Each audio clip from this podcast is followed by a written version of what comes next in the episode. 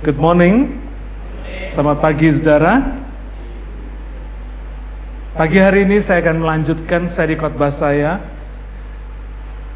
Kira-kira tiga atau empat minggu yang lalu ya. Saya khotbah tentang tubuh Kristus, seri yang pertama. Hari ini saya akan bicara tentang tubuh Kristus, seri yang kedua. Saudara, sebelum kita percaya Yesus, kita ini nggak saling kenal satu sama lain. Kita ini hidup di tempat kita masing-masing. Sampai kita percaya Yesus, dibaptis lalu Allah menghubungkan kita dalam satu komunitas yang disebut gereja atau tubuh Kristus. Tapi sayang sekali banyak orang Kristen yang hidup tidak dengan sungguh-sungguh percaya kepada Tuhan. Hidup bukan sebagai orang percaya, atau yang biasa disebut sebagai gereja Tuhan atau tubuh Kristus, tapi mereka hidup ada di dalam lingkungan gereja. Nah, terhadap orang yang tidak sungguh-sungguh percaya ini, tidak menghidupi pola hidup Kristen yang dikehendaki Tuhan ini, Yesus berkata di dalam Matius pasal 7 ayat 21 sampai 23. Bukan setiap orang yang berseru kepadaku Tuhan Tuhan akan masuk ke dalam kerajaan sorga. Melainkan dia yang melakukan kehendak Bapakku yang di sorga. Pada hari terakhir banyak orang akan berseru kepadaku, Tuhan, Tuhan, bukankah kami bernubuat demi namamu dan mengusir setan demi namamu dan mengadakan banyak mujizat demi namamu juga. Pada waktu itulah aku akan berterus terang kepada mereka dan berkata, Aku tidak pernah mengenal kamu.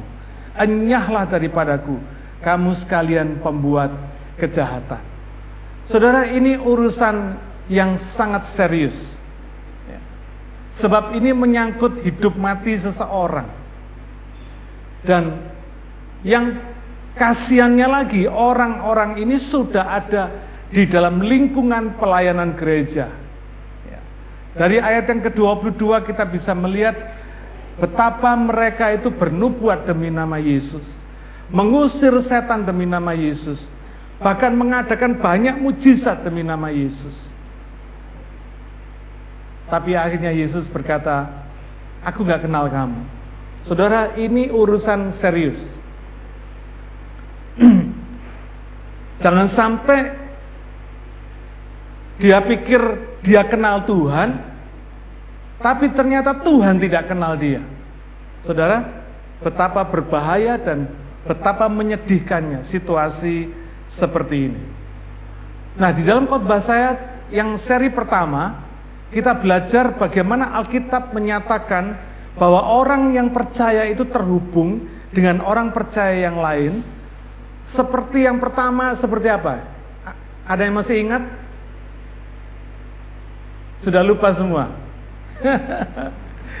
bangunan, ya, seperti bangunan. Kalau sudah lihat bangunan ini begitu indah. Bangunan yang indah ini terdiri dari be be beberapa bagian bangunan yang disambungkan satu sama lain, yang dihubungkan satu sama lain. Ya. Beda ukurannya, beda panjangnya, beda dimensi, tapi disambungkan satu sama lain. Ya. Ia akan hidup sebagai bagian dari bangunan yang terhubung, yang melekat dengan orang percaya yang lain sesuai ukuran, sesuai tempat dan fungsi yang sesuai dengan desain bangunannya. Bagian-bagian bangunan itu akan saling support, saling mendukung dan saling memperkuat. Tidak ada yang ingin berdiri sendiri, ingin berdiri bebas atau freestanding, atau yang maunya sendiri, nggak ada. Bagian bangunan ini begitu rapinya, ya, terkonek satu sama lain. Dan bagian bangunan ini kalau sudah perhatikan di sini, semua mengalami proses. Ya. Bagian-bagian bangunan ini di, bersedia dipotong, dibentuk, diasah, di, dihaluskan, diproses, dan bahkan dihubungkan. Saudara, sebagai bagian dari bangunan ini, ini merupakan gambaran betapa orang percaya itu butuh ketaatan dan penundukan diri sepenuhnya ketika mengalami pembentukan karakter pribadi yang sangat menyakitkan. Ya. Dibentuk itu nggak enak loh saudara, ya. nggak enak, menyakitkan sekali. Ya. Kalau kayu panjang-panjang dipotong, ya, itu nggak enak saudara. Sesuatu yang yang tidak biasa. Ya.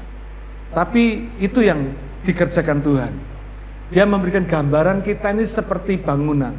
Yang kedua, Tuhan memberikan gambaran kepada kita, orang percaya atau tubuh Kristus itu hidup se seperti tubuh manusia yang punya anggota banyak, tapi tidak ada satupun yang sama. Hebat Tuhan. Dengan kata lain Tuhan itu mendesain orang percaya, mendesain tubuh Kristus.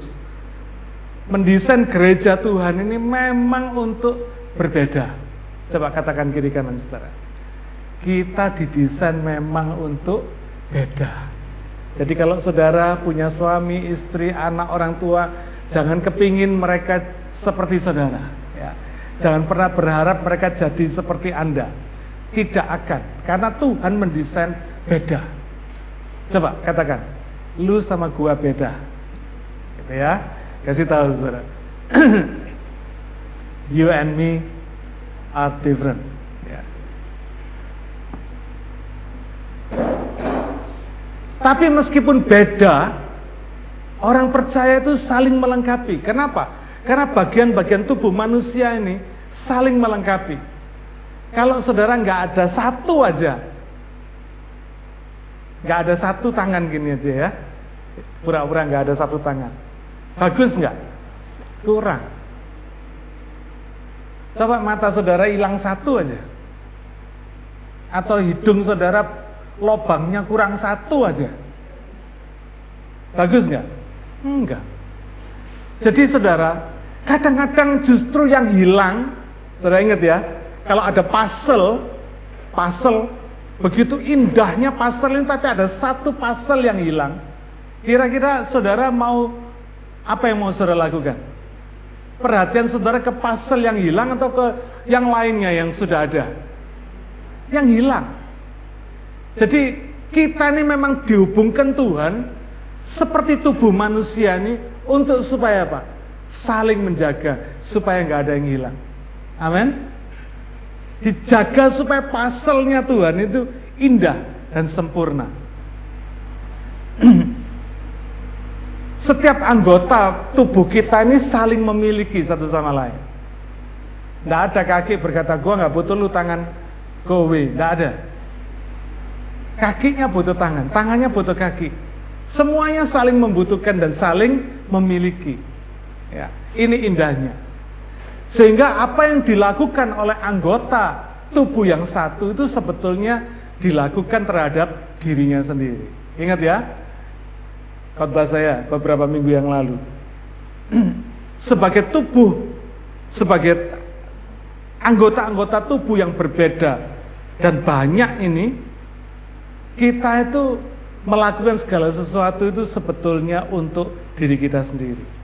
Jadi kalau ada di antara kita yang menyakiti anggota tubuh yang lain, maka sebetulnya kita sedang menyakiti diri kita sendiri. Kalau kita memuji anggota tubuh yang lain, kita sedang mengapresiasi diri kita sendiri. Karena itu mari kita berikan yang positif, ya. Jangan jangan berikan yang negatif, tapi berikan yang positif. Karena anggota tubuh ini saling memiliki, saling mengasihi. Nah, di dalam seri khotbah saya yang kedua ini, hari ini, kita akan belajar bahwa orang percaya atau gereja Tuhan itu terhubung dengan Kristus sendiri, terhubung dengan Tuhan sendiri. Sehingga bisa hidup dan berbuah atau produktif. Dan ini memuliakan Bapa di sorga. Saudara, jadi saudara hidup sebagai orang percaya itu bukan cuma sekedar jadi anggota gereja, enggak. Tapi ada tujuannya, ada goalnya. Sasarannya apa? Memuliakan Bapak di sorga. Ini sasarannya. Jadi kalau kita ada yang tanya, saya nggak tahu Pak, gereja ini mau dibawa ke mana? Keliru besar. Hari ini saya tegaskan, gereja ini ada sebagai kepanjangan Tuhan bagi dunia ini. Dan gereja ini ada, eksistensinya ada. Karena untuk memuliakan Bapak di sorga. Clear banget, jelas banget. Jadi hidup saudara dan saya itu adalah hidup untuk memuliakan Bapak. Bukan memuliakan diri kita sendiri. Untuk memuliakan Bapak di sorga. Ya. Nah mari kita lihat. Bagaimana Tuhan itu menghubungkan orang percaya ini dengan Kristus sendiri. Itu diberi gambaran seperti ranting dan pokok anggur. Ini indah banget. Ya. Mari kita baca sama-sama. Yohanes 15 ayat 4 sampai 8. Yohanes 15 ayat 4 sampai 8. Tinggallah di dalam aku dan aku di dalam kamu. Sama seperti ranting tidak dapat berbuah dari dirinya sendiri kalau ia tidak tinggal pada pokok anggur. Demikian juga kamu tidak berbuah jikalau kamu tidak tinggal di dalam aku. Akulah pokok anggur. Aku ini siapa? Kristus, ya. Akulah pokok anggur dan kamulah siapa kamu? Kita, ya. Dan kamulah ranting-rantingnya, orang percaya. Barang siapa tinggal di dalam aku dan aku di dalam dia, ia berbuah banyak, ya. Sebab di luar aku kamu tidak dapat berbuat apa-apa. Barang siapa tidak tinggal di dalam aku, ia dibuang keluar seperti ranting dan menjadi kering. Kemudian dikumpulkan orang dan dicampakkan ke dalam api lalu dibakar. Jikalau kamu tinggal di dalam aku dan firmanku tinggal di dalam kamu, mintalah apa saja yang kamu kehendaki dan kamu akan menerimanya. Dalam hal inilah Bapakku dipermuliakan, yaitu jika kamu berbuah banyak dan dengan demikian kamu adalah murid-muridku. Saudara, kalau tadi saya katakan bangunan atau tubuh manusia itu menggambarkan eksistensi, menggambarkan identitas pribadi kita, orang percaya atau gereja Tuhan. Tapi hubungan antara ranting dan anggur ini, ranting dan pokok anggur ini, itu menggambarkan hubungan antara setiap pribadi orang percaya dengan Tuhan Yesus Kristus sendiri. Jadi untuk kita itu berhubungan dengan Tuhan, kita itu nggak bisa rombongan, saudara. Ya.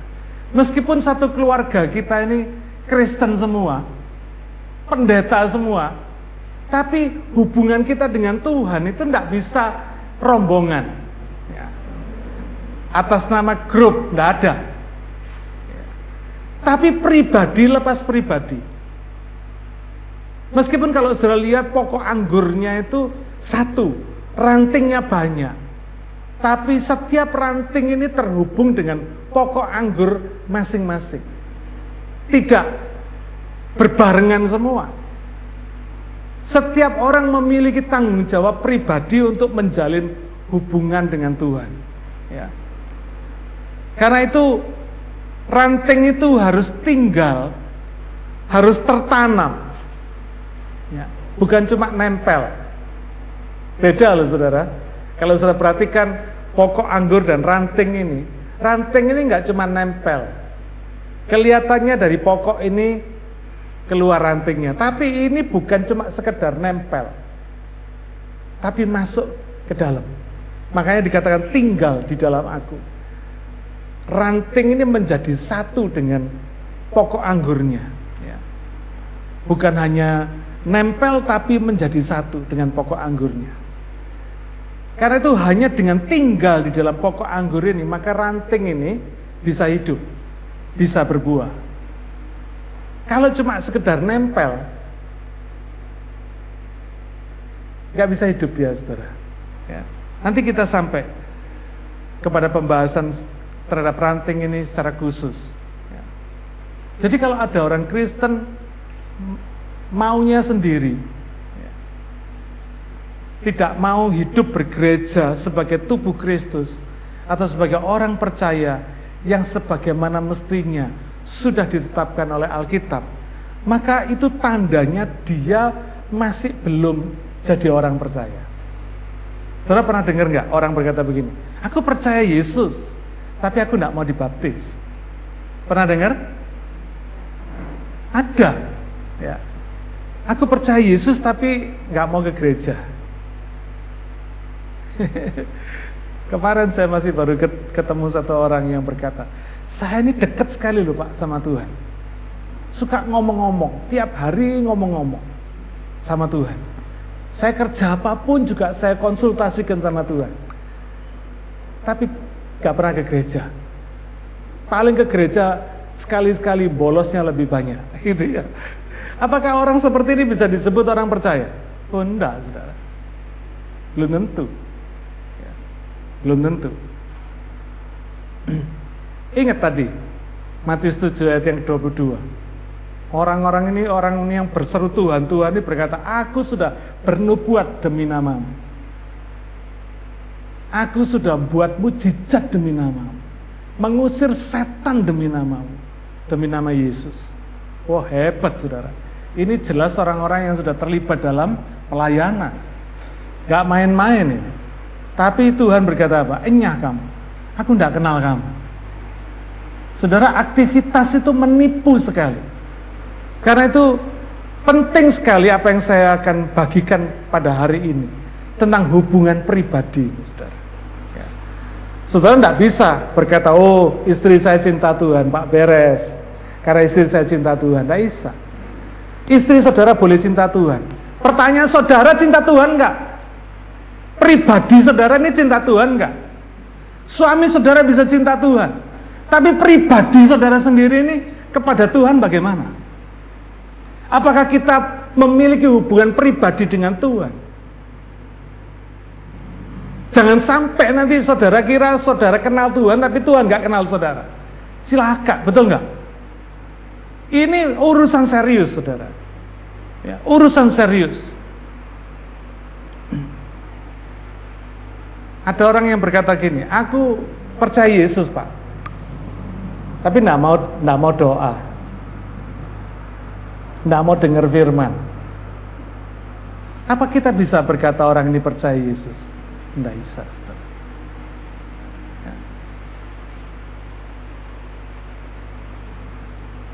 Bulan depan kita akan mulai dengan sewa satu tempat di West Ride Community Center. Ya, Tuhan pakai Jingke sama GM, GM saya ini sudah beberapa tahun ini mengumpulkan orang-orang yang berbasic bahasa Mandarin. Ya. Nah orang-orang ini memang belum percaya. Jadi waktu dikumpulkan kita kita sudah apply atas nama gereja sudah disetujui, tinggal nanti urusan pembayaran. Tapi orang-orang yang akan dikumpulkan ini berkata gini, tidak boleh ada firman ya, gitu ya, tidak boleh ngomong firman. Bagi kita ngerti, cengli, kenapa? Orang belum percaya kok. Karena itu saudara tolong doakan, amin. Tidak apa-apa, mereka itu nggak mau firman karena apa? Memang mereka mereka belum percaya kok. Tapi Tuhan itu tidak pernah terhalang untuk menjangkau seseorang. Amin. Macam-macam saudara lewat lagu pujian, lagu Mandarin, firman Tuhan bisa disampaikan. Lewat kesaksian firman Tuhan bisa disampaikan. Lewat belajar masak firman Tuhan bisa disampaikan. Lewat belajar kesehatan semua bisa dipakai untuk bersaksi. Jadi kalau orang-orang yang belum percaya ini berkata demikian, tidak apa-apa memang wajar karena mereka belum percaya. Tapi kalau orang yang mengaku Kristen tidak suka berdoa, tidak suka firman, tidak suka ke gereja, wah ini yang perlu dipertanyakan besar. Ya. Apakah dia punya hubungan pribadi dengan Tuhan? Karena hubungan pribadi dengan Kristus ini membuat orang percaya itu hidup dan berbuah dan produktif. Makanya dikatakan, jikalau kamu tinggal di dalam aku dan firmanku tinggal di dalam kamu, mintalah apa saja kamu akan menerimanya. Wow, hidup yang seperti ini adalah hidup yang dimanja oleh Tuhan. Bayangin, semua permintaan saudara dikabulkan Tuhan. Dahsyat, saudara.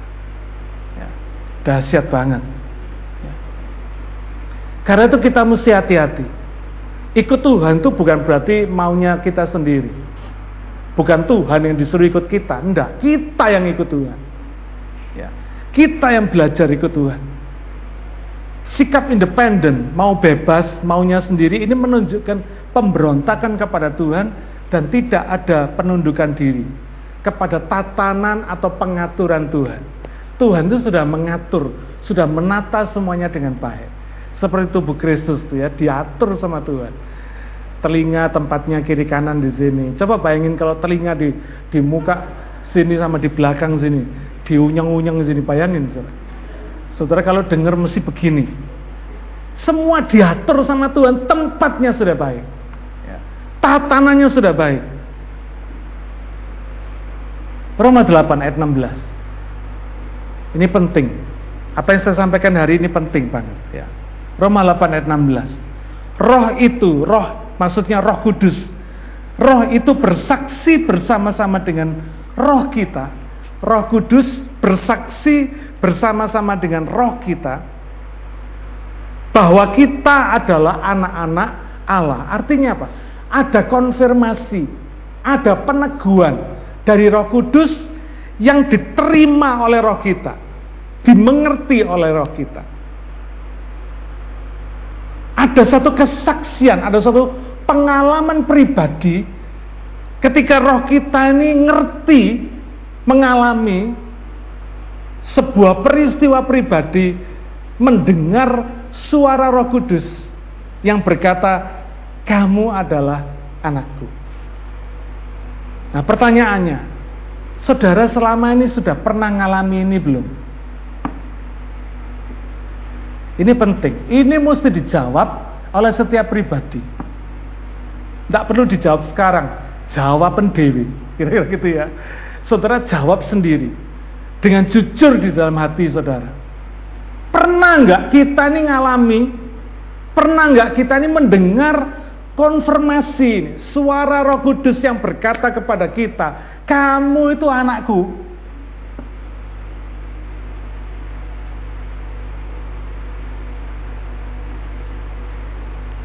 secara audible ataupun tidak audible.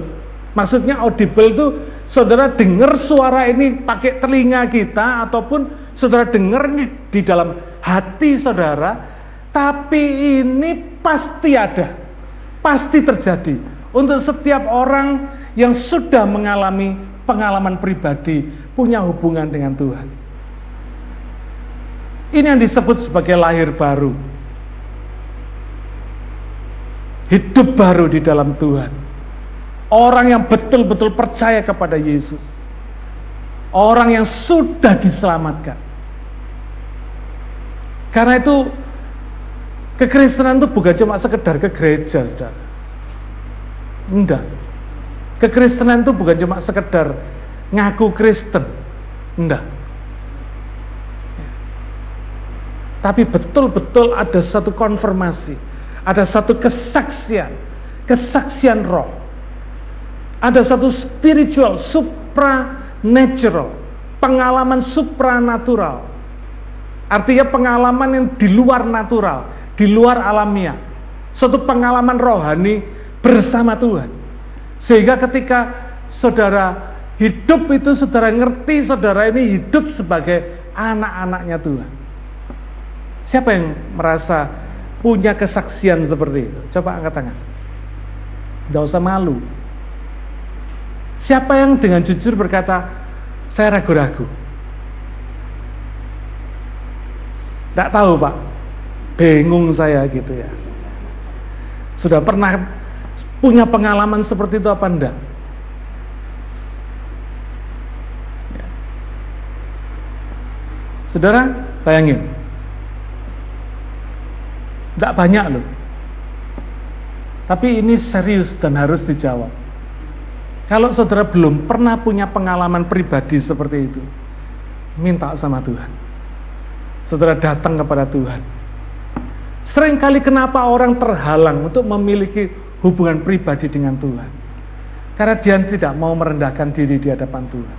Mau karena PDW tadi saudara ya. Maunya sendiri, tidak bisa. Hidup bersama Tuhan itu bukan Tuhan yang disuruh nurut kita, enggak. Kita yang mesti nurut Tuhan.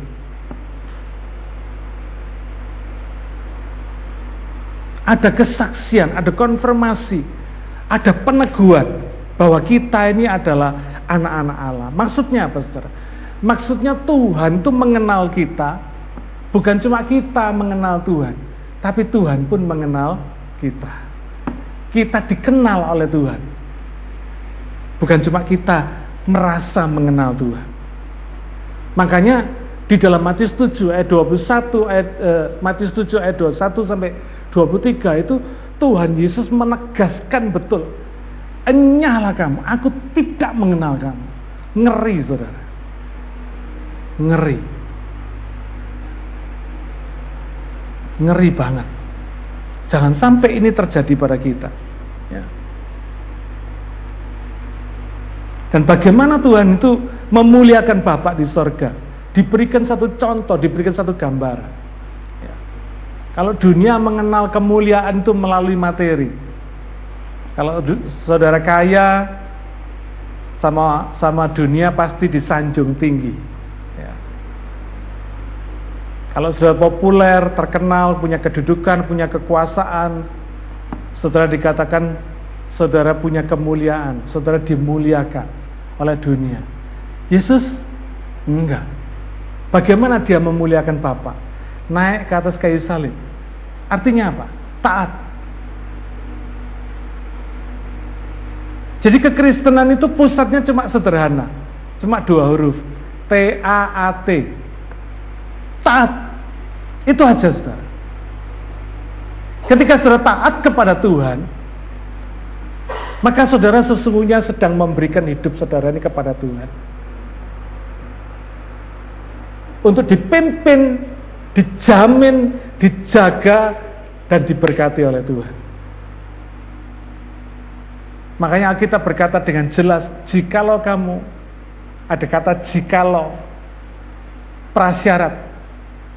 Jikalau kamu tinggal di dalam aku, dan firmanku tinggal di dalam kamu, artinya apa? Saudara? Dwelling, artinya apa? Artinya ketika kita ini taat kepada Tuhan, mengikuti firmannya, Alkitab menjamin apa? Mintalah apa saja, kamu akan terima. Saudara sakit minta sembuh, saudara sembuh. Saudara kurang minta ditambah. Apa pun yang saudara minta, tidak terkecuali. Ini satu penghiburan yang luar biasa. Karena itu pagi hari ini, betul-betul saya berharap ya, supaya kita sungguh-sungguh percaya kepada Tuhan Yesus. Bukan cuma sekedar ke gereja, Bukan cuma sekedar jadi orang Kristen. Yesus memuliakan Bapak di sorga dengan taat sampai mati di kayu salib. Di atas kayu salib itu ada buah kekal yang dia hasilkan. Apa itu? Penebusan dosa dan keselamatan kekal bagi setiap orang yang percaya. Dahsyat saudara. Kejadiannya salib itu Yesus naik ke kayu salib itu hampir 2000 tahun yang lalu. Tetapi pengaruh salib itu terhadap orang yang hidup sebelumnya dan orang yang hidup sesudahnya dahsyat. Setiap generasi yang hidup sebelum Yesus, tetapi yang percaya kepada kitab para nabi dan segala nubuat tentang Yesus diselamatkan. Demikian juga orang yang hidup sesudah Yesus Hari ini kita nggak pernah lihat Yesus. Cuma tahu ceritanya dari Alkitab. Tapi ketika sudah percaya kepada Tuhan, kuasa salib ini kita alami di sini. Kita mengalami keselamatan kekal. Kita mengalami penebusan dosa. Wow, luar biasa. Ya. Filipi 2 ayat 8 sampai 11. Dan dalam keadaan sebagai manusia, ia telah merendahkan dirinya dan taat sampai mati, bahkan sampai mati di kayu salib. Itulah sebabnya Allah sangat meninggikan dia dan mengaruniakan kepadanya nama di atas segala nama. Supaya dalam nama Yesus bertekuk lutut segala yang ada di langit dan yang ada di atas bumi dan yang ada di bawah bumi. Dan segala lidah mengaku Yesus Kristus adalah Tuhan bagi kemuliaan Allah Bapa. Saudara, Yesus yang adalah kepala gereja taat. Mosok kita ini tubuhnya. Orang percaya disebut sebagai gereja Tuhan atau tubuh Kristus. Mosok kita nggak taat. Lucu kan? Kepala kita taat sampai mati di kayu salib. Masa kita tubuhnya nggak taat? Artinya apa saudara? Ini betul-betul serius. Kalau sampai kita ini tidak taat kepada Tuhan, artinya kita ini bukan tubuhnya. Nangkep gak saudara? Kalau kepala gerejanya taat kepada Bapak sampai mati di kayu salib, sehingga dia dimuliakan, diberikan nama di atas segala nama. Supaya dalam nama Yesus bertekuk lutut segala yang ada di langit dan di bumi, bahkan yang di bawah bumi. Dan segala lidah mengaku Yesus Kristus adalah Tuhan. Kalau kita tubuhnya pasti taat. Betul nggak? Nggak mungkin kepalanya taat tubuhnya enggak. Nggak mungkin saudara. Kalau sampai ada tubuhnya yang tidak taat, artinya dia bukan tubuh Kristus. Ini serius betul. Makanya dikatakan dalam kitab Matius, banyak yang dipanggil tapi apa? Sedikit yang dipilih. Wow.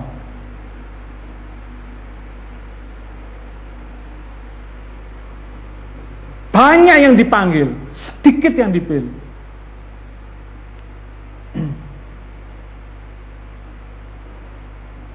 sedikit yang mengalami standar kualitasnya Tuhan. Maka dari itu, saudara, kita perlu betul-betul serius. Perlu mengevaluasi diri sendiri. Apakah kita ini betul-betul tubuh Kristus? Betul-betul orang percaya, betul-betul bisa disebut sebagai gereja Tuhan. Ini penting sekali. Ya. Sebab kalau kepala gerejanya memuliakan Bapak di sorga, maka tubuhnya pasti juga memuliakan Bapak dengan berbuah kekal. Sama kayak tadi Yesus berbuah kekal di kayu salib. Apa buah kekal? Keselamatan saudara dan saya. Penebusan dosa saudara dan saya. Kehidupan kekal saudara dan saya. Itu karya salib Kristus. Nah kalau kepalanya sudah berbuah, tubuhnya kira-kira berbuah nggak? Halo? Berbuah. Nah mungkin kepalanya berbuah, tubuhnya tidak. Kalau kepalanya berbuah kekal, menghasilkan keselamatan bagi saudara dan saya, bagi jiwa-jiwa, menghasilkan hidup yang kekal. Dalam Yohanes 1 13 dikatakan hidup yang bukan dari keinginan manusia, bukan dilahirkan dari keinginan manusia, tetapi hidup yang dilahirkan born of God, dilahirkan oleh Allah, hidup yang dikasih karunia dan anugerah oleh Allah. Maka saya percaya, tubuhnya pun juga akan menghasilkan buah kekal yang sama. Artinya apa? Dari kehidupan saudara dan saya, menghasilkan keselamatan jiwa-jiwa yang lain. Amin.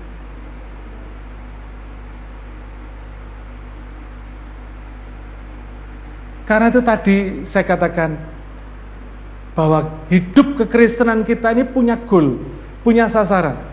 Bukan cuma sekedar nanti kalau mati masuk surga. Enggak. Tapi betul-betul hidup yang memuliakan Bapa. Nah, bagaimana hidup yang memuliakan Bapa? Menghasilkan jiwa-jiwa diselamatkan. Coba saudara pikir. Coba jawaban lagi pertanyaan saya. Selama ini saudara ikut Tuhan sudah berapa tahun? Sudah lama kan? Ada yang sudah 40 tahun, ada yang sudah 50 tahun, ada yang sudah 20 tahun, 30 tahun. Berapa jiwa yang saudara bawa kepada Tuhan? Berapa jiwa?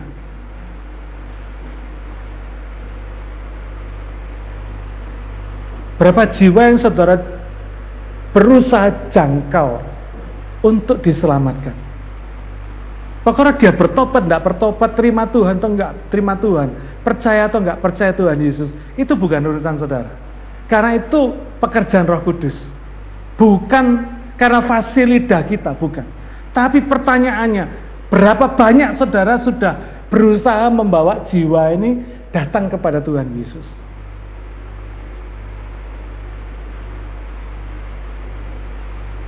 Saya memperlengkapi saudara sebagai gembala sidang, saya bisa memperlengkapi saudara untuk supaya saudara pergi membawa jiwa datang kepada Tuhan.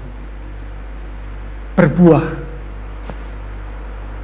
Sehingga ketika ada jiwa diselamatkan, itu semua adalah kerjasama kita semua. Amin.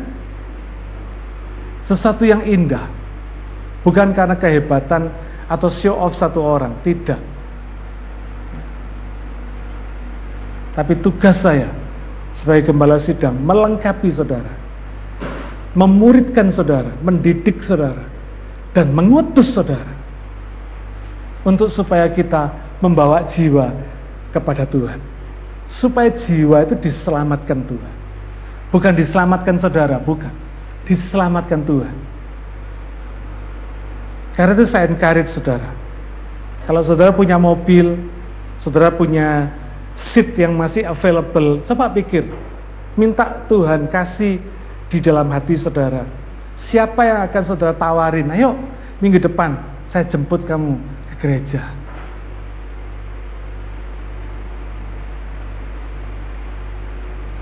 Minta sama Tuhan supaya diberikan satu nama. Satu minggu satu aja untuk supaya saudara bisa bersaksi tentang kebaikan dan kemurahan Tuhan. Saudara kalau ngerumpi di WhatsApp bisa jam-jaman kan? Kalau sudah ngomong di sosial media, wah, saudara bisa tahan biar berapa jam pun oke, okay, gitu ya. Sampai tengah malam pagi buta pun oke. Okay. Lupa waktu segalanya. Tapi kalau kita ngomong tentang Yesus, rasanya susah banget, betul nggak? Siapa yang ngalamin gitu?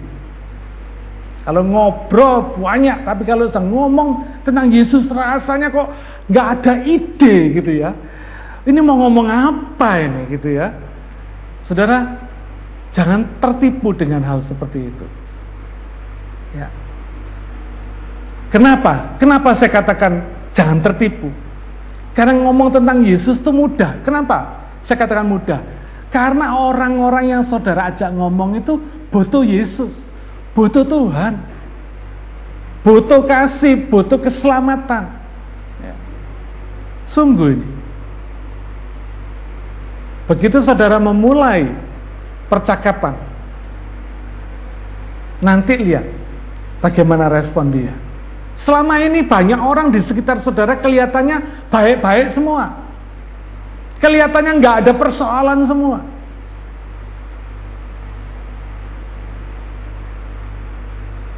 Saya pernah saksi kepada saudara ketika kami masuk ke pedalaman Kalimantan. Di tengah perjalanan kami berhenti untuk makan bakso. Karena kami bawa rombongan satu minibus, orang pedalaman itu kalau lihat bakso itu makanan mewah, saudara. Jadi kami berhenti untuk makan bakso. Ketika makan bakso, Roh Kudus bicara dalam hati saya. Kamu bersaksi sama sama penjual bakso. Dan saya lihat penjual bakso ini tidak apa-apa, baik-baik saja, saudara. Orangnya masih muda, ganteng gitu ya, penuh sukacita, wajahnya ketawa-ketawa gitu dan sopirnya mobil sudah ngobrak-ngobrak gitu. Ayo cepet, ayo cepet, takutnya nanti hujan. Nanti kalau hujan mobilnya nggak bisa jalan katanya. Tenggelam di lumpur katanya. Jadi terus saya ini berkata gini dalam hati saya. Tuhan, engkau gerakkan aku untuk ngomong sama orang ini. Tapi kelihatannya orang ini baik-baik saja Tuhan. Lah ini hari ini eh, diobrak-obrak sama supirnya minibus ini. Kita terpaksa harus cepat-cepat jalan ya Tuhan. Mungkin besok baliknya dari sana bisa mampir lagi, bisa ngobrol, bisa ngomong sama orang ini. Apa yang saya lihat ternyata menipu. Kelihatannya dia baik-baik. Besoknya mati bunuh diri. Coba bayangkan. Masih muda, ganteng, penuh sukacita.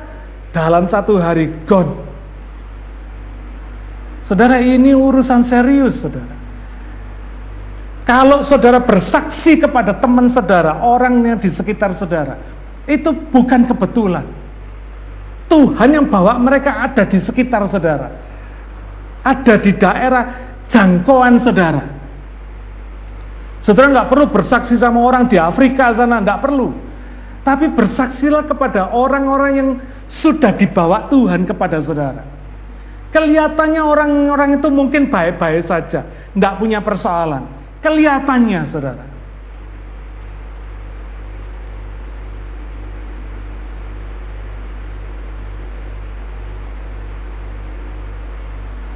Ketika saya bersaksi kepada teman-teman saya, teman-teman sekolah saya, ex teman-teman sekolah saya, mereka semua udah jadi bos-bos semua. Kelihatannya baik-baik semua. Ya. Orang-orang sukses dan berhasil semua. Tapi ketika saya bersaksi kepada mereka, baru ketahuan. Luarnya baik-baik, dalamnya penuh persoalan. Saudara, tidak ada yang bisa menilai seseorang dari luar.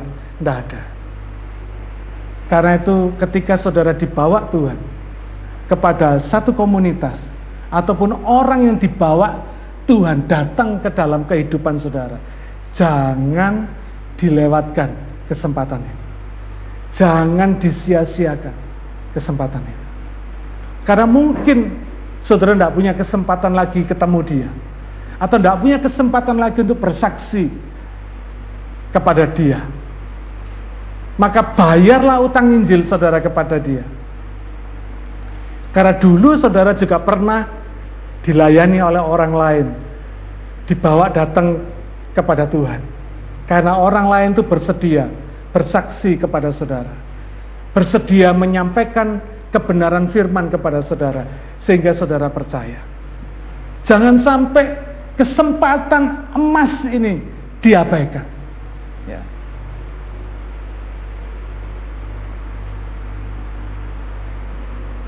Kalau Yesus kepala gereja dimuliakan, kalau tadi yang pertama memuliakan, memuliakan Bapak di sorga. Kalau kepalanya memuliakan Bapak di sorga, maka tubuhnya juga memuliakan Bapak. Nah, yang kedua sekarang, kalau kepalanya, Yesus kepala gereja itu dimuliakan. Tadi dia dikatakan, dia dianugerahkan nama di atas segala nama. Supaya di dalam nama Yesus yang di langit dan di bumi, yang di bawah bumi, semua bertekuk lutut dan segala lidah mengaku Yesus itu Tuhan. Kalau Yesus kepala gerejanya dimuliakan, kira-kira tubuhnya ikut dimuliakan nggak? Ikut. Ya.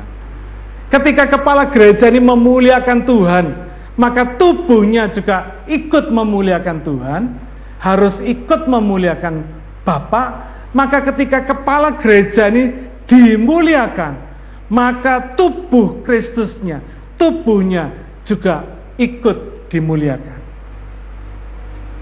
Saudara sering kali kita ini cuma mau dimuliakannya, tapi nggak mau kerjanya. Saya sering kali dengar guyon apa uh, gurauan orang Indonesia ini katanya kalau makan tok keringetan katanya tapi kalau kerja nggak keringetan katanya itu gurauan saudara cuma sebuah anekdot gitu ya Menunjukkan bahwa kita ini suka dimuliakan itu senang. Tapi suruh kerja tidak senang. Suruh kerja kerasnya tidak senang. Saudara siapa yang bilang bersaksi itu gampang? Enggak. Bayar harga. Enggak gampang. Ya. Yohanes 15 ayat 1 dan 2. Akulah pokok anggur yang benar dan Bapakku lah pengusahanya. Dalam NIV dikatakan the gardener. Bapakku the gardener. Ya. God the Father is the gardener. Setiap ranting padaku yang tidak berbuah dipotongnya. NIV mengatakan cuts off. Cuts off.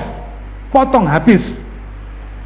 Setiap ranting yang berbuah dibersihkannya dalam bahasa Inggris dikatakan prunes. Di pruning, kira-kira gitu ya.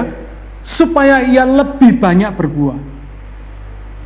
Kata dibersihkan itu, atau kata prunes itu, di pruning tadi itu, artinya apa saudara? Artinya ranting yang tidak berbuah itu disingkirkan dari ranting yang berbuah. Nangkep gak saudara ya? Siapa yang suka tanam-tanam gitu? punya hobi gardening. Ya. Saudara ngerti betul apa yang saya maksudkan dengan pruning tadi. Ya, diprun, diprun, dipotongin. Ya. Kenapa tanaman itu perlu dipotongin? Kenapa ranting yang tidak berbuah itu perlu dipotong, di cut off, ya. dihilangkan. Ternyata saudara, supaya ranting yang berbuah itu mendapatkan konsentrasi suplai nutrisi atau makanan itu terkonsentrasi kepada ranting yang berbuah.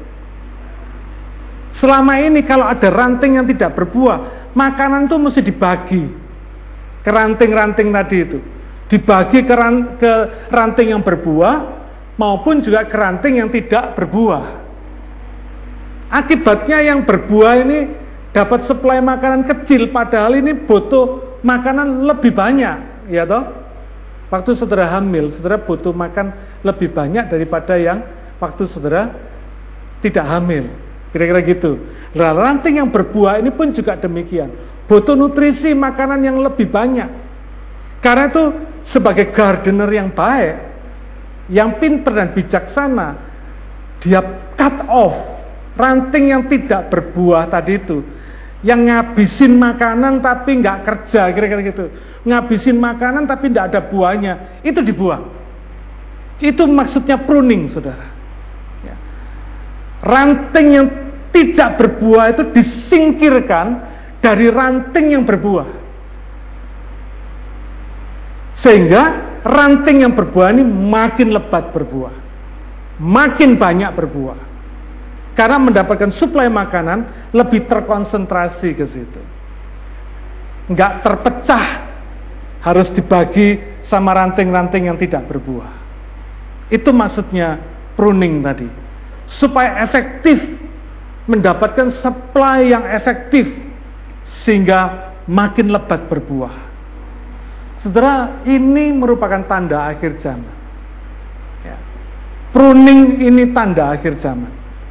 Gereja Tuhan dibersihkan dari ranting mati yang tidak mau tinggal pada pokok anggur dan yang tidak mau berbuah. Ini ngeri loh saudara. Makanya di dalam kitab Wahyu dikatakan biarlah yang cemar terus berbuat cemar dan yang suci terus menguduskan diri. Wow. Saya sempat berpikir gini, Tuhan itu kan kasih toh. Tuhan itu maha kasih gitu ya. Kok seolah-olah orang-orang seperti ini, ranting yang tidak berbuah ini dibiarin. Itu menarik, saudara. Nanti tak kasih PR. Coba nanti pulang baca Lukas 13. Ya. Lukas pasal 13 ayat 6 sampai 9. Ini bahan Bible study kita setelah topik menyembah dalam roh dan kebenaran ini selesai. Tapi saudara tak kasih PR dulu, Saudara nanti baca di rumah, pikirkan. Secara sederhana gini, Lukas 13 ayat 6 sampai 9 ini bicara tentang ada satu pohon ara di dalam kebun anggur. Lucu ya, pohon ara tumbuh di dalam kebun anggur. Tuan yang punya kebun ini sudah beberapa tahun menunggu pohon ara ini berbuah. Tapi nggak berbuah-berbuah. Lalu dia berkata, potong nih pohon ara. Ya. Tapi pengelola kebun anggurnya ini, pengurusnya berkata, jangan Tuhan, jangan dipotong dulu. Coba tak cangkulnya dulu tanah di sekitar pohon ini. Siapa tahu setahun lagi dia berbuah. Kalau dia tidak berbuah, tebanglah katanya saudara. Wah ini ngeri saudara. Tebanglah katanya saudara. Saudara ingat, Tuhan itu maha kasih, yes. Tapi Tuhan itu juga adil. Apa yang dia firmankan, dia pasti lakukan. Karena itu sama Tuhan, Kenapa saudara tak ajak sama saya untuk kita ini serius sama Tuhan? Saya nggak sekedar khotbah untuk menyenangkan telinga saudara, enggak. Tapi saudara tak ajak serius sama Tuhan. Serius ikut Tuhan. Karena saya rindu kita semua tidak ada yang tidak termasuk ranting yang berbuah. Saya rindu kita semua termasuk ranting yang berbuah. Bukan ranting yang tidak berbuah. Yang dipotong dan di, dibuang, akhirnya dibakar. Tidak. Saya rindu seperti yang saya pernah katakan. Saya rindu kita ini bareng-bareng masuk surga. Amin. Bareng-bareng diselamatkan Tuhan. Karena itu tak ajak saudara. Yuk kita ini serius sama Tuhan. Ya. Bukan cuma sekedar melayani Tuhan. Bukan cuma sekedar ke gereja. Tapi kita serius sama Tuhan. Gereja Tuhan dibersihkan dari ranting mati, dari ranting yang tidak mau tinggal pada pokok anggur tadi, dan yang tidak mau berbuah tadi, di cut off, saudara. Dan ternyata, saudara, tinggal di dalam pokok anggurnya dan berbuah itu adalah pilihan. Ini bukan berupa kasih karunia lagi, tapi sebuah pilihan Ketika saudara memilih, baru kasih karunia-Nya datang. Jadi ada keputusan, ada determination dulu yang harus kita lakukan, ada tekad dulu yang kita ambil, ada keputusan dulu, baru kasih karunia Tuhan hadir. Kalau enggak, enggak bisa. Ketika saya mempersiapkan khotbah ini, saya studi, saya cek Kenapa? Sebabnya ranting tidak berbuah. Kalau saudara perhatikan ya, pokoknya satu, pokok anggurnya satu, rantingnya banyak. Tapi kenapa ada ranting yang berbuah dan ada ranting yang tidak berbuah? Kok bisa? Pokok anggurnya sama, pohonnya satu, tapi ada ranting yang berbuah, ada ranting yang tidak berbuah. Nah ternyata prosesnya panjang. Pohon ini kena hama. Kalau pohon ini kena hama, bisa hama daun, bisa hama buah, dan bisa hamba hama ranting. Penyakit yang menyerang buah, daun, atau rantingnya. Terkena penyakit ini. Maka akibatnya ranting itu tidak berbuah. Wow.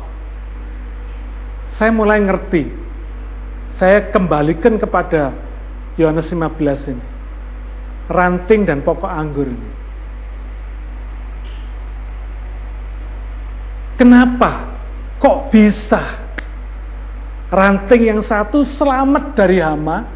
Saudara bayangin ya, kan lucu tuh saudara, ini pohon, ya. Bayangin ini pohon.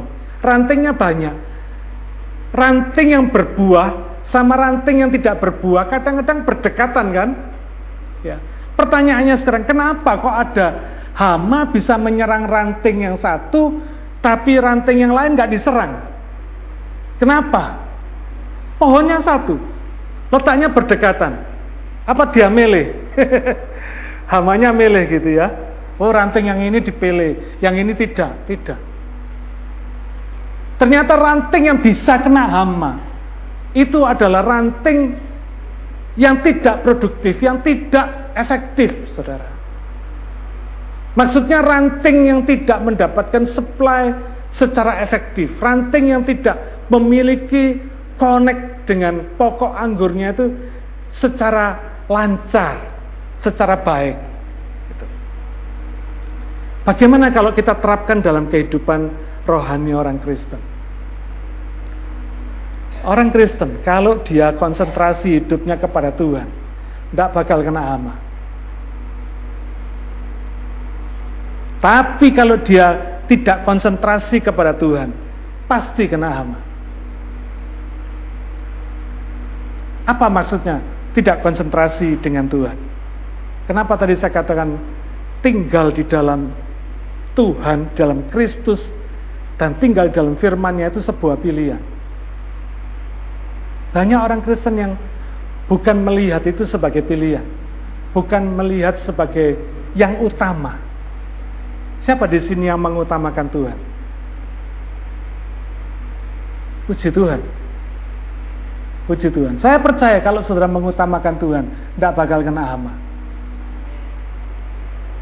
Tapi yang tidak mengutamakan Tuhan, jangan pernah berpikir saudara kebal hama. Apa maksudnya? Hama itu. Tolong disiapkan, tayangkan informasi saya tentang orang-orang yang meninggalkan gereja. Sudah ada? Oh belum?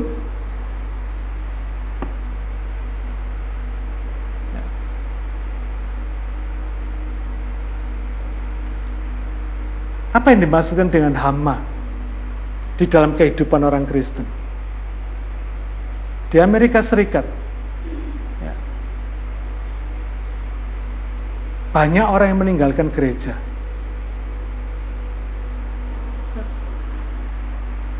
Gak ada ya?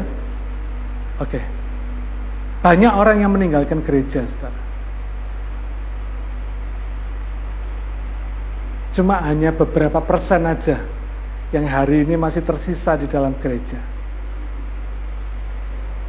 saya nggak hafal persentasenya, tapi ini terjadi di Amerika. Banyak gereja yang sudah berubah jadi restoran, berubah jadi apa klub. Karena apa? Kosong. Banyak orang meninggalkan gereja.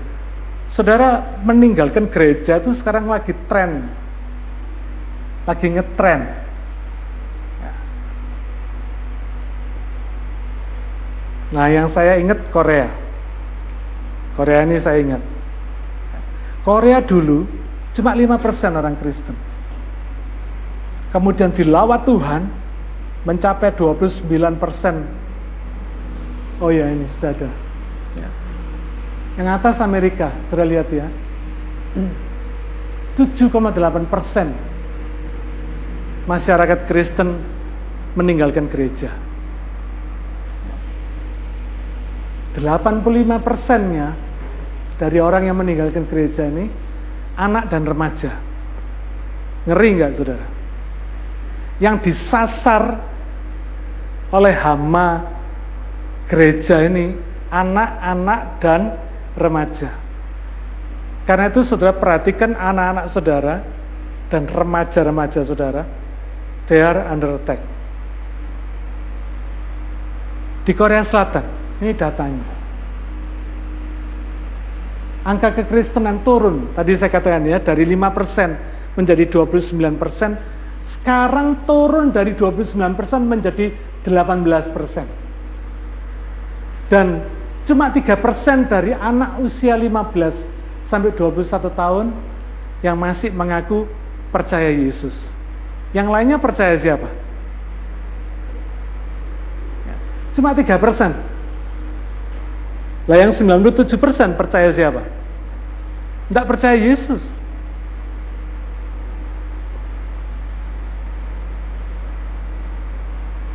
percaya K-pop, Korea, ya. Indonesia. Ini data beneran, saudara. Ya. Data ini saya peroleh dari pemimpin Kristen di Indonesia. Dan saya tahu datanya valid. Ini terjadi ribuan gereja, bukan cuma satu dua, ribuan gereja di Indonesia tidak punya sekolah minggu dan nggak punya kebaktian anak muda lagi. Habis. Apa yang terjadi kalau anak muda di dalam gereja itu disasar oleh hamain, ditarget oleh hamain, dibawa keluar gereja. Kira-kira bisa bertahan tidak gereja itu? Tidak bisa. Tidak ada regenerasi. nggak ada regenerasi. Jadi kita para orang tua kita harus ngerti bahwa anak-anak kita, anak-anak remaja kita sedang diserang oleh hama. Hama kekristenan ini.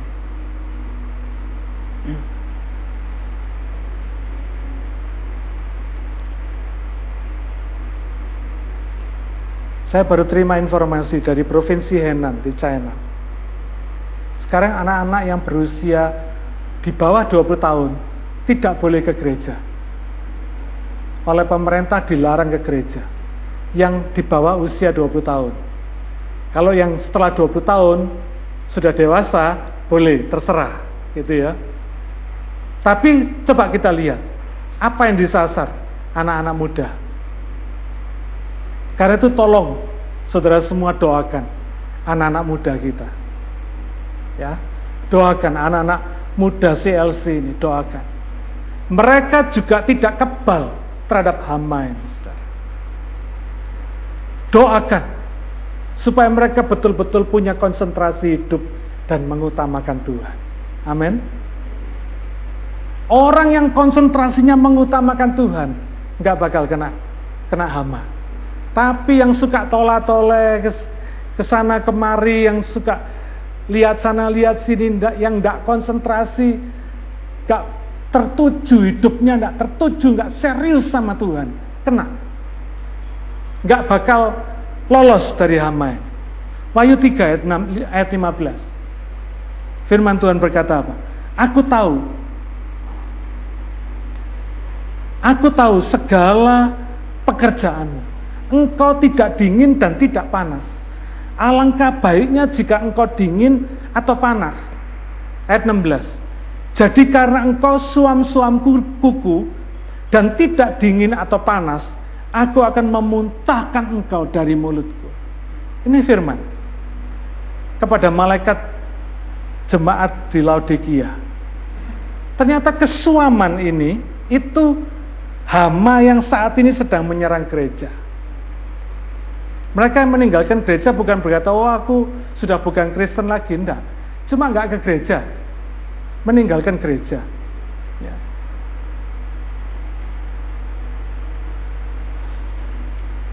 Mari kita lihat apa penyebabnya. Hama kesuaman ini apa? Ayat yang ke-17. Dan yang ngeri kesuaman ini sama Tuhan dimuntahkan, saudara. Ayat yang ke-17. Karena engkau berkata, aku kaya, dan aku telah memperkayakan diriku, dan aku tidak kekurangan apa-apa. Dan karena engkau tidak tahu bahwa engkau melarat dan malang, miskin, buta, dan telanjang. Jadi rupanya penyebab hama ini ada, yaitu apa? Kenyamanan. Kenyamanan dan kemakmuran. Hati-hati, saudara. Ya. Hati-hati, kalau saudara sudah nyaman, sudah makmur, hati-hati. Ya.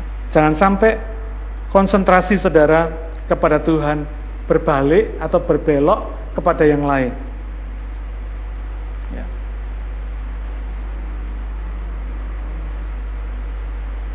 Dikatakan bapak pengusahanya, the gardener, owner dari kebun anggur itu Artinya bapak itu berorientasi buah. Bapak mau supaya berbuah. Kenapa? Karena buah itu memuliakan dia. Cengli saudara ya.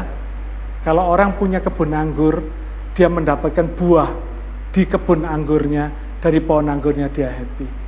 Demikian juga Bapak di sorga. Kita ini ranting-ranting dari pokok anggur tadi itu.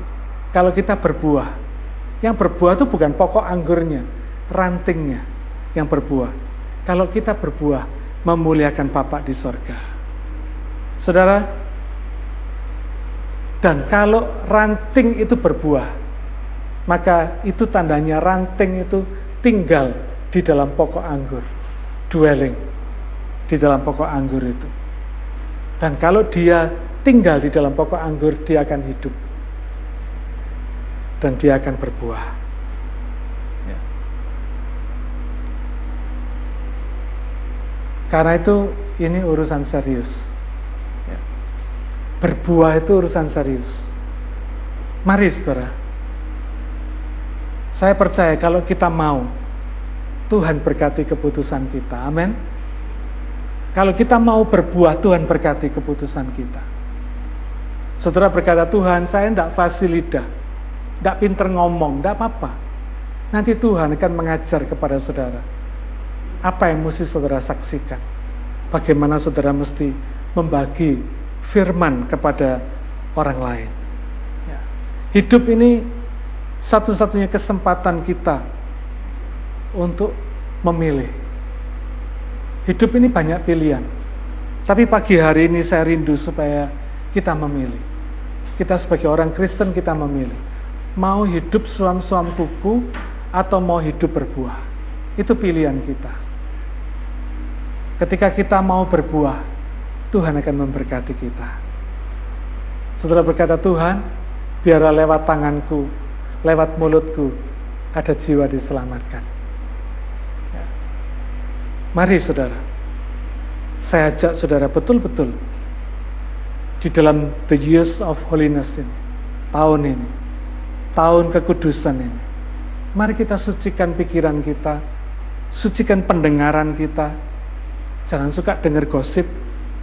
Mari kita sucikan perkataan kita, kita sucikan perbuatan kita. Kita konsentrasi, berbuah, memuliakan Bapak di sorga. Amin. Saya rindu. Kita semua hidup sebagai orang percaya. Hidup sungguh-sungguh sebagai tubuh Kristus, sebagai gereja Tuhan. Bukan cuma sekedar jadi orang Kristen. Mari kita berdoa.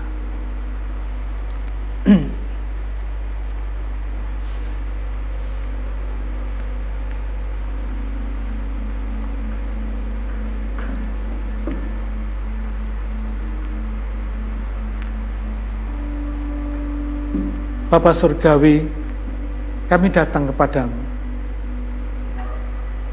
Kami percaya Engkau mengasihi kami semua. Dan kalau firman yang pagi hari ini kami bahas, kami tahu itu semua adalah peringatan buat kami untuk hidup sebagai ranting yang berbuah, bukan yang tidak berbuah. Tolonglah kami Tuhan, supaya kami punya keputusan untuk berbuah. Mau dipakai Tuhan untuk jembatan keselamatan bagi banyak orang sehingga mereka boleh datang kepada Tuhan dan diselamatkan. Biarlah melalui apa yang sederhana yang kami punya. Tuhan, kau tolong kami semua.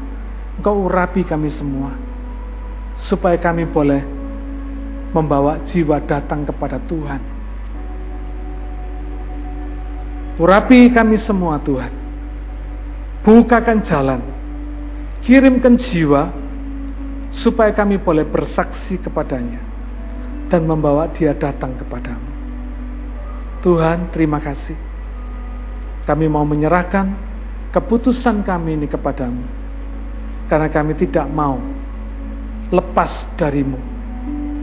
Dipotong dan dibuang, serta akhirnya dibakar. Kami mau berbuah, bahkan berbuah lebat supaya kami memuliakan Bapa di sorga. Terima kasih ya Tuhan.